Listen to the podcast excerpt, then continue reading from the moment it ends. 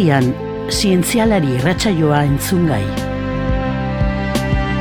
Universidad del País Vasco Euskal Herriko Unibertsitateko Kultura Zientifikoko katedrak eta zenbat gara elkarteak elkarlanean prestaturik.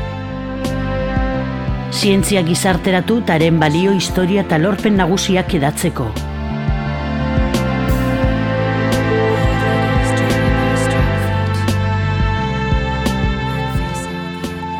Geologoa da Luis Agirre Zabala, UPV EHUko Zientzia eta Teknologia Fakultateko Geologia Zaileko Ikertzaila eta Irakasleare bada. Kretazioa eta paleogenoaren ikerketa hortan, e, talde hortaz arduratzen den taldean diardu lanean, eta gaurkoan ba, intrusio magmatikoei buruz hitz egingo digu.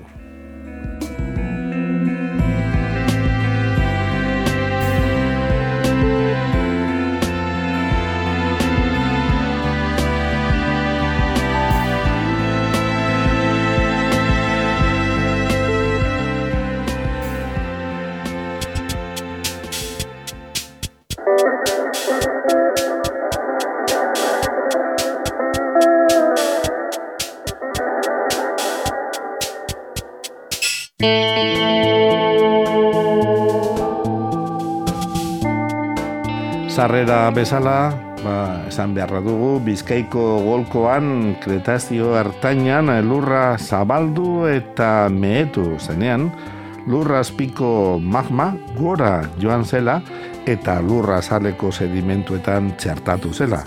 Era horretan, intrusio magmatikoak eh, sortuz. Intrusio magmatikoen sorrera eta ondorioak ezagutze aldera, esan dugun bezala, Luis Agirre Zabalarekin, UPVHUko Geologia Saileko ikertzailearekin bildu gara gaur Bilbo iria erratian, zientzialari saio honetan. Berak adieraziko digu, zeri esaten zaion, zeri esaten zaion intrusio magmatikoa. Eta hemen dugunez, agurtu egingo dugu, eskerrak emateaz batera gure gana etortzeagatik, eh, Luis, mila esker, eta kaixo. Kaixo, bai, mila esker zuei.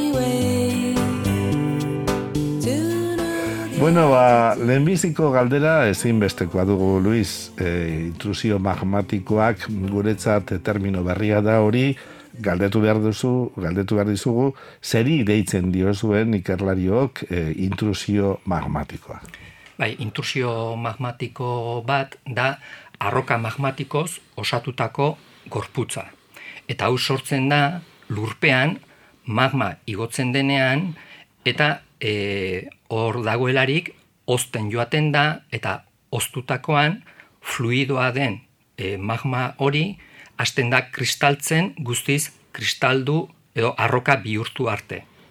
Orduan, horrela sortutako gorputzei horrela deritzugu. Gure alderak barkatuko diguzu, baina oinarri oinarrizkoak e, izango dira. Eta magma hori bero-bero dago, hor lur barrenean, eh, lurraren erdigune hortan, lehen batzuek infernu hartzen zuten toki horretan, eta ala behar ez da, Luis, eh, hori ostuko balitz, e, kitxo da, ez da? Bai, gure planeta barruan e, oso bero dago, eta e, berotasun hori temperatura haunditzen da sakondua ala. Hain zuzen, badago gradiente bat, nun, bat, bueno, gradiente aldakorra da, baino gure ingurutik e, asaleko e, e, lehenengo kilometrotan nola bait, berotzen da, ba, idei bat egitearen, bataz beste, hogeita mar gradu zentigrado kilometroko. Wow. Bai, orduan, sakondu ala lur barrenean, ba, joaten da temperatura haunditzen.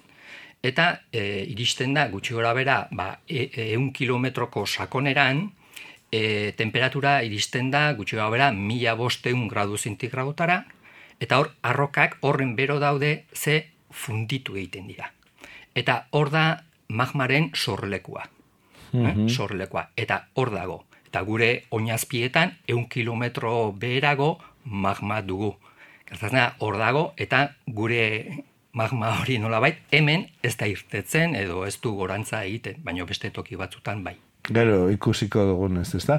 Eta karo, hor mm, likido bihurtu den eh, hortan presio eraginak eta indarrak eta izango dira, eta norabait, e, bulkadak ere jasango dituzte handik eta hemendik, eta gorako joera bat hartzen dute, ezta? Bai, hala da, e, magma hori oso bere dago, lurpean dago, eta presio haundipean dago. Eta e, magma horrek topatzen balima ditu gorantzako iesbideak, ba, ibiez, e, ba, zartadurak, edo faiak, ditzen ditugunak, edo, hoiek izan daitezke, nolabait, konduktoak magma horrek gora egiteko. Eta gorantza egite hortan, e, pilatu daitezke lurpean, e, magma horiek pilatu daitezke, nolabait, poltsa handiak sortuaz, askotan kilometrikoak direnak, eta e, hor e, joaten da magma berori osten, eta oztuala mineralak hasten dira sortzen, kristaltzen, eta guztiz, oztu egiten denean, ba, dana kristalduta edo dana arroka bihurtuta geratzen zaigu. Eta hori da mhm. intrusio magmatikoa. Mhm. Eta intrusio magmatikoak e, gure inguruneaz, gehien bat gure inguruneaz jardungo dugunez gaur, e, nolabait e, askotan gertatzen dira horrelako fenomenoak ala bakanka bai, baino ez. E, fenomeno arrunta da hau edo... Bai, a ber, e, magma dugu gaur egun ere gure oinazpian egun bat kilometrotik behera eta hor sakon-sakonean gertatuko dira gaur egun ere bai horrelako intrusio magmatikoak. Gertatzen da, e, gure eskualde honen historian zehar, egon dira momentu batzuk, nun magma hori e, gorantza egin zuen, hain zuzen, e, gogorra, arroka solidoz osatutako gaineko asaleko geruza lodi hori, eun bat kilometroko lodiera daukana, metu egin zartatu egin eta e, egoera horretan azpiko magma errezago zeukan gorantza egitea, ies egitea. Orduan, e, garai hoietan topatzen ditugu e, askoz e, intrusio magmatiko gehiago edota volkanak. Azken batean, volkanak dira e, az, lurpeko magma horrek e, lortzen badu iristen gainazalera, irtetzen da, isuri egiten da, eta hor sortzen da e, volkan bat. Mhm. Bai, bai, bai, oso, oso azalpen argia egin diguzu. Eta e, e, gure inguruneaz, ari garela eta, gogora ezagun Luis, noiz eta nola sortu zen bizkaiko golkoa? E, jakiterik e, izan baduzu, eben ipen? Bai, bai, nahiko, bueno, ja, nahiko jakina da, nahiko zehaztuta dago hori. Eta, bai, bizkaiko golkoa orain ezagutzen dugun bezala, e, gari batean, etzan horrelakorik, etzegoen nolabait golkorik, eta golko hori... Ez zegoen golkorik. Ez, ez. Gaur egun ezautzen dugun bezelakorik, ez.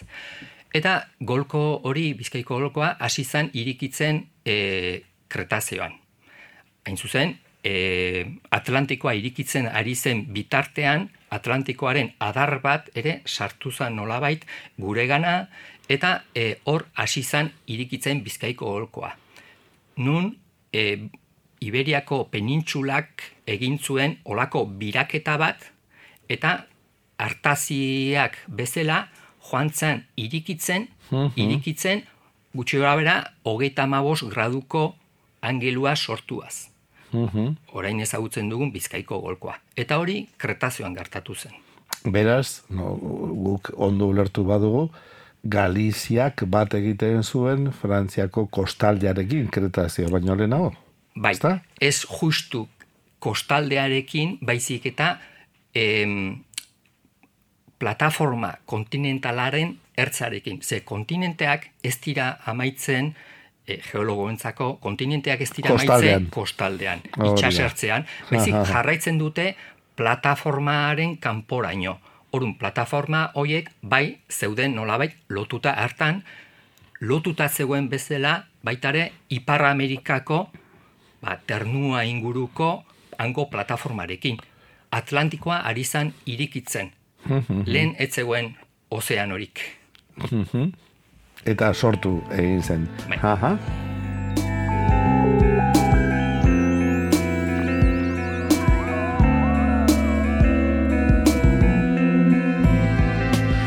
Kretazio, ari gara behin da berriro aipatzen, eta nahi nuke, Luis, eh, mesedez, asaltzea, duela zenbat milioi urte izan zen kretazioa. Bai, kretazioa da lurraren historiaren e, garai bat, nola bait, eta e, bere da, denbora tarte bat azken batean, eta e, doa e, gutxi gora bera, ba, orain dela e, ba, eundalaro gehi milioi urtetik, orain dela irurogeita bos milioi urte arte. Eundalaro gehi milioitik? Bai, gutxi gora bera, orain dela irurogeita bos milioi urte arte. Urrunena eta urbilena. Horia, gugandik, gugandik, gure garaitik, Baina biak e, zinez urrunak. Urrunak. Geologian gauza arroka asko oso urrunak dira gure gandik. Bai.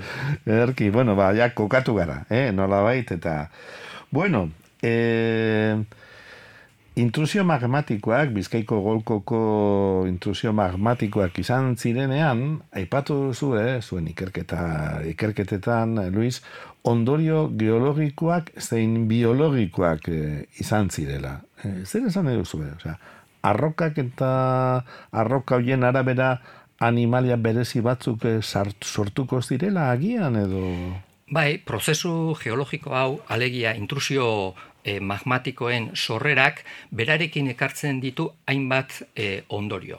Pentsatu behar dugu, ba, intrusio magmatikoan magma sartzen denean e, inguruko beste arroketan magma hori oso bero dago. Esan dugun bezala, egon daiteke, mila bosteun, mila berreun grado zentigradotan oso bero, eta igotzen balin bada, e, gorago dauden arroka hoiek bero daude, baino ez horren beste.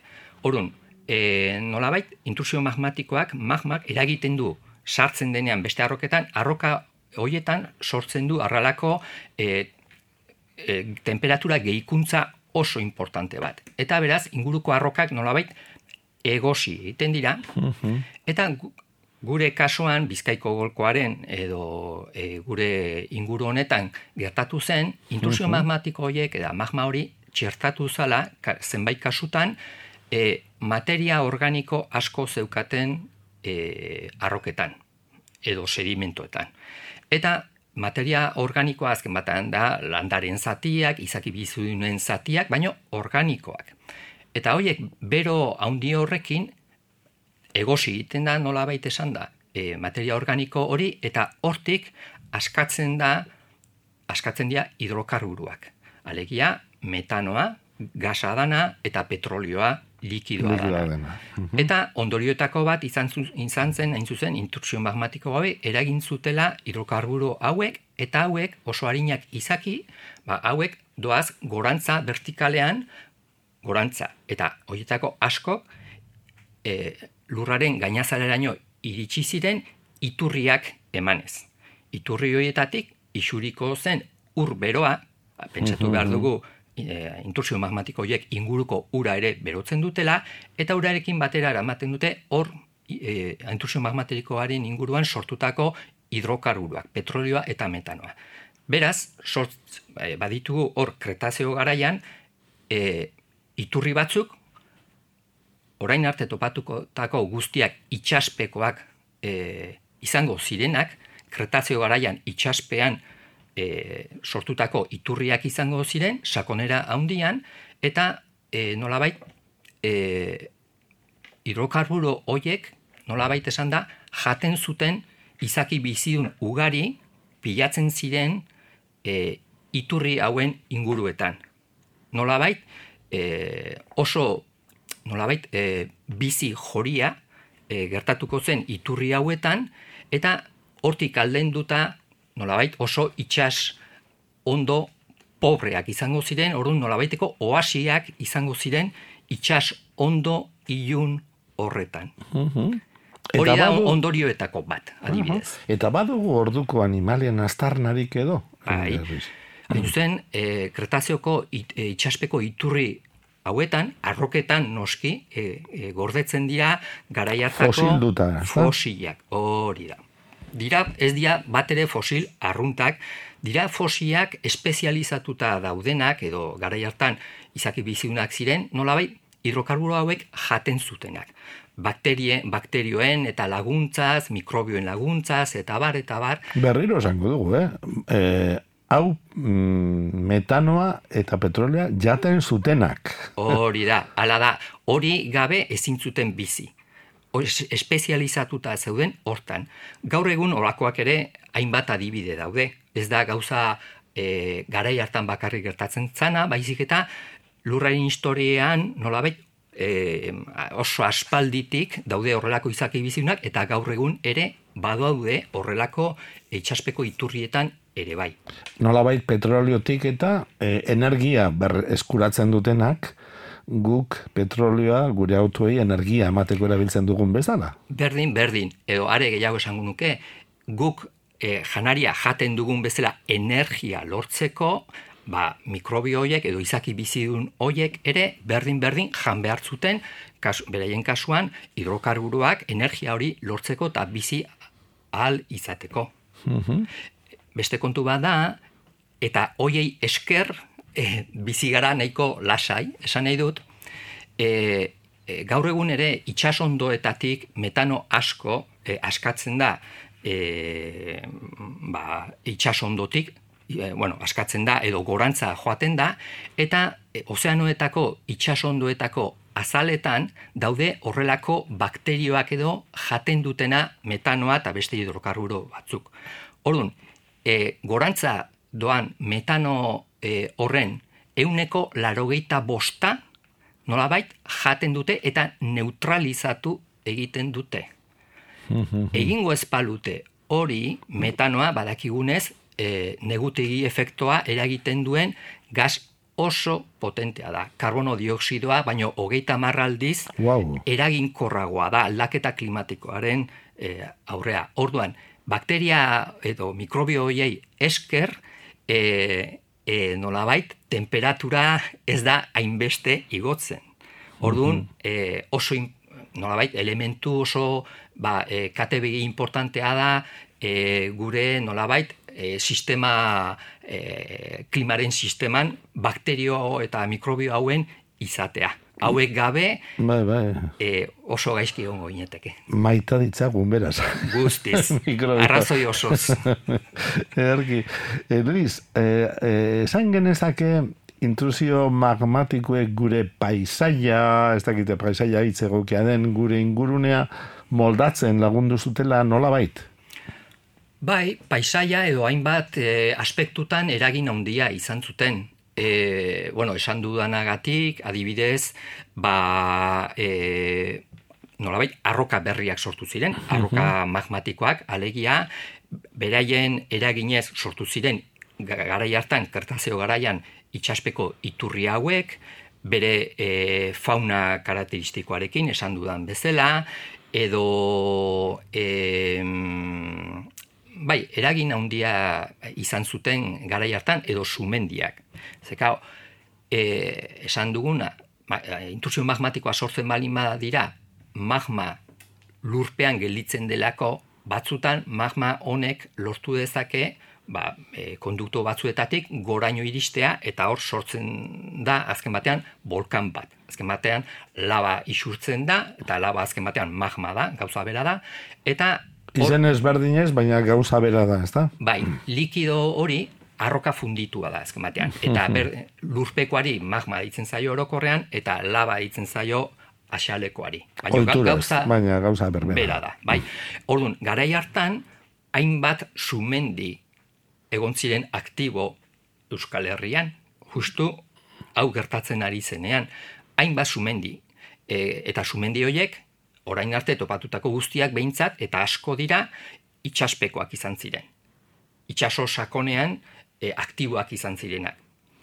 Gaur egun ere, volkanismoa, volkan euneko haundi bat, gehienak, gehienak, ez ditugu ikusten. Itxaspean daudelako.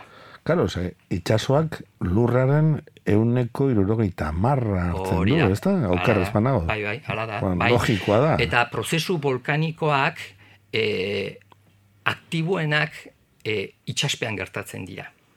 Adibidez. E, hor badaude, bueno, gure planeta eta ozeanoen erditik igarotzen diren nolabait zartadura handiak daude eta e, zartadura eta beti itxaspean dago. Beraz, ez ditugu ikusten zuzenean. Mhm. Leku bakarra nun airepean dagoen, itxasutik kanpo dagoen Islandia da. Islandia uarte hori da zartadura handi horren larogei mila kilometro inguruko luzera daukan zartadura erraldoi hori, hortan, hortik magma igotzen da eta kanporatzen da volkanek emanez. Eta Islandian ikusten ditugu, airepean dagoelako, baino itxaspean beste hainbeste daude, e, baino ez ditugu ikusten.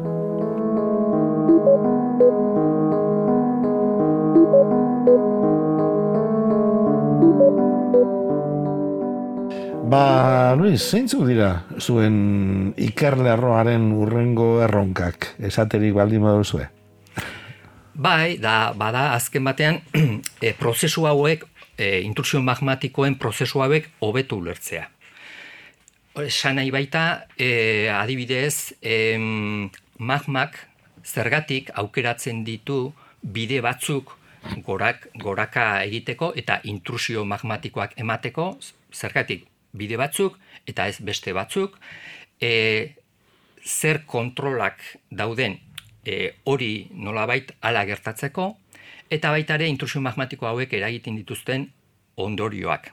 Ba, nolabait, hobeto, hobeto ulertze aldera, ba, baita ere ari gara ikertzen, e, hain zuzen, e, intrusio magmatiko hauen ondorioz sortutako hidrokarburuek zer nolako eragina izan zuten garaiatako ozeanoaren edo e, itsasondoaren e, bizian.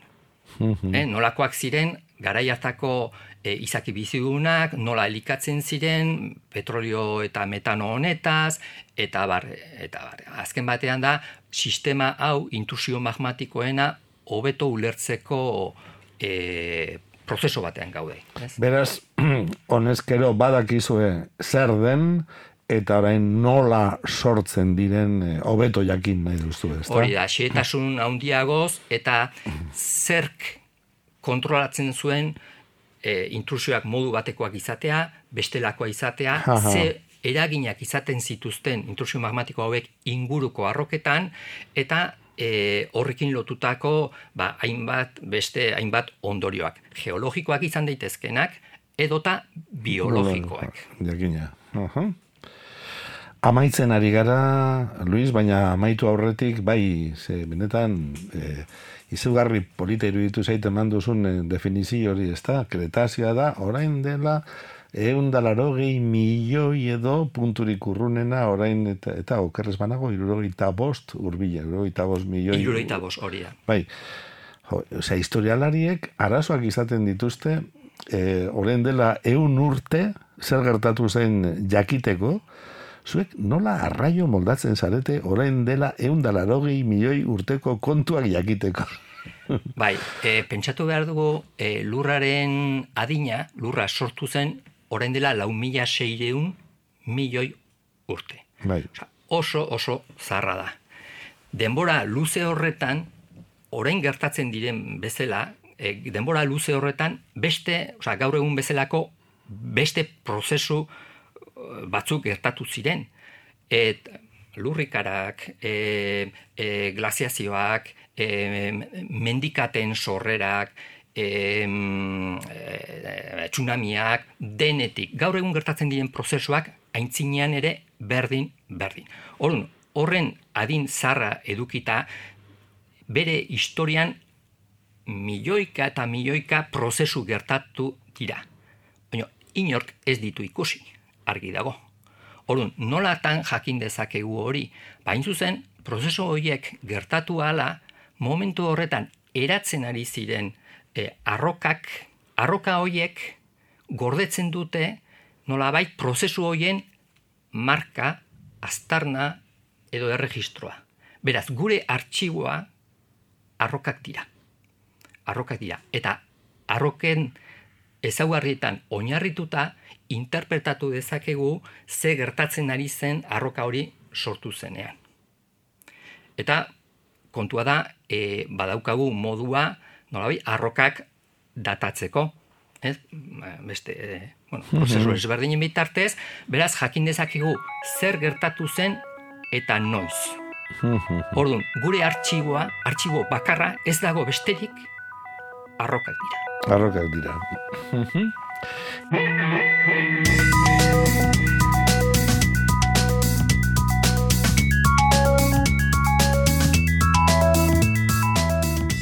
eta fenomenoak gertatu dira eta gertatzen ari dira. Ezin baitugu esan fenomenoak bukatu direnik eta eta eberestek sortzi mila, sortzi da berroi eta sortzi metro dituenik, ez da, Luis? Bai, bai, e, prozesu geologikoak e, lurra sortu zenetik, gaur egun arte eta etorkizunean berdintxu jarraituko dute. Prozesuak orain gertatzen direnak eta lehen gertatzen zirenak berdintxuak dira.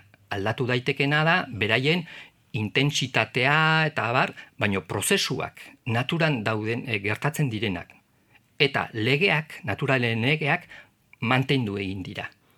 Mantendu egin dira. Orduan, etorkizunean ere, berdin mantenduko dira. Naiz eta prozesu horien intentsitatea aldatu daiteken baino prozesuak berdinak izango dira. Mhm. Bai, eta aipatu duzun bezala, e, Himalaya edo Everest e, dauka, gaur egun dauka altura bat, baino hemendik X urte batzutara, altura hori izan daiteke handiagoa edo txikiagoa. Ze badaude prozesu geologikoak, ba, mhm. eragiten dutenak Himalaya ari da goraka egiten, baino aldi berean ari dira beste prozesu geologiko batzuk igadura, hain zuzen, mendi tontorrak eta igatzen. Orun bien arteko balantzea ikusi beharko da, zein den, baino altura aldatuko dela, ziurrenik, baietz. Izan ere, zuek geologok beste neurri bat e, darabiliztu be, ezta? Arkitekto batek e, metola darabilen bezala, zuek ze neurri erabiltzen duzu, Denboraren aldetik pentsatzen dute bai, bai. bai, bai. Denbora, esan dudan bezala, e, lurraren adina oso zarra da, e, lau mila milioi urte ingurukoa, eta e, denbora luz horretako e, arrokak zehazteko noizkoak diren, erabiltzen dugun unitatea, denbora unitatea da milioi urtea. Hori baino gehiago zehaztea, behintzat garai zarretan, diot garai zarretan, zenbait milioi urtetako kontuetaz ari bagara, zaila da hori baino zehaztasun handiagoz e, zehaztea, ez? Eta horregatik gure hitz egiten dugunean, ba, ez da, ba, arroka horren adina da, bosteunda berroita sortzi milioi urte. Edo hori gertatu zen, orain dela, eunda amasei milioi urte. Orduan, gure unitate, denbora unitatea milioi urtea da, bai. Bai. Ze ezberdinak izaki arruntaren e, neurritik, ez da? Gu gehien ez ere, laro gehi eun urteko ikuspen hori daukaguta, eta ez bena milioi urtea. Benetan. Bai, bai, zeharo desberdina. Eskala temporala oso oso ezberdina da. Eta kosta iten da, nola bait, e, lurraren adinaren moduko eskala batera pasatzea egia da. Bai. Bueno, ba, geologiaren eskala horretan murgildu gaitu gaurkoan eh, Luis Agirre Zabala ikertzaileak intrusio magmatikoan berri emanez. Asko argitu diguzu, asko lagundu diguzu, Luis, eta estimatzen dizugu, mila esker. Eta nahi duzu arte. Bai, eh, berdin mila esker zuei. Universidad del País Vasco Euskal Herriko Unibertsitateko Kultura Zientifikoko Katedrak eta zenbat gara elkarteak elkarlanean prestaturik.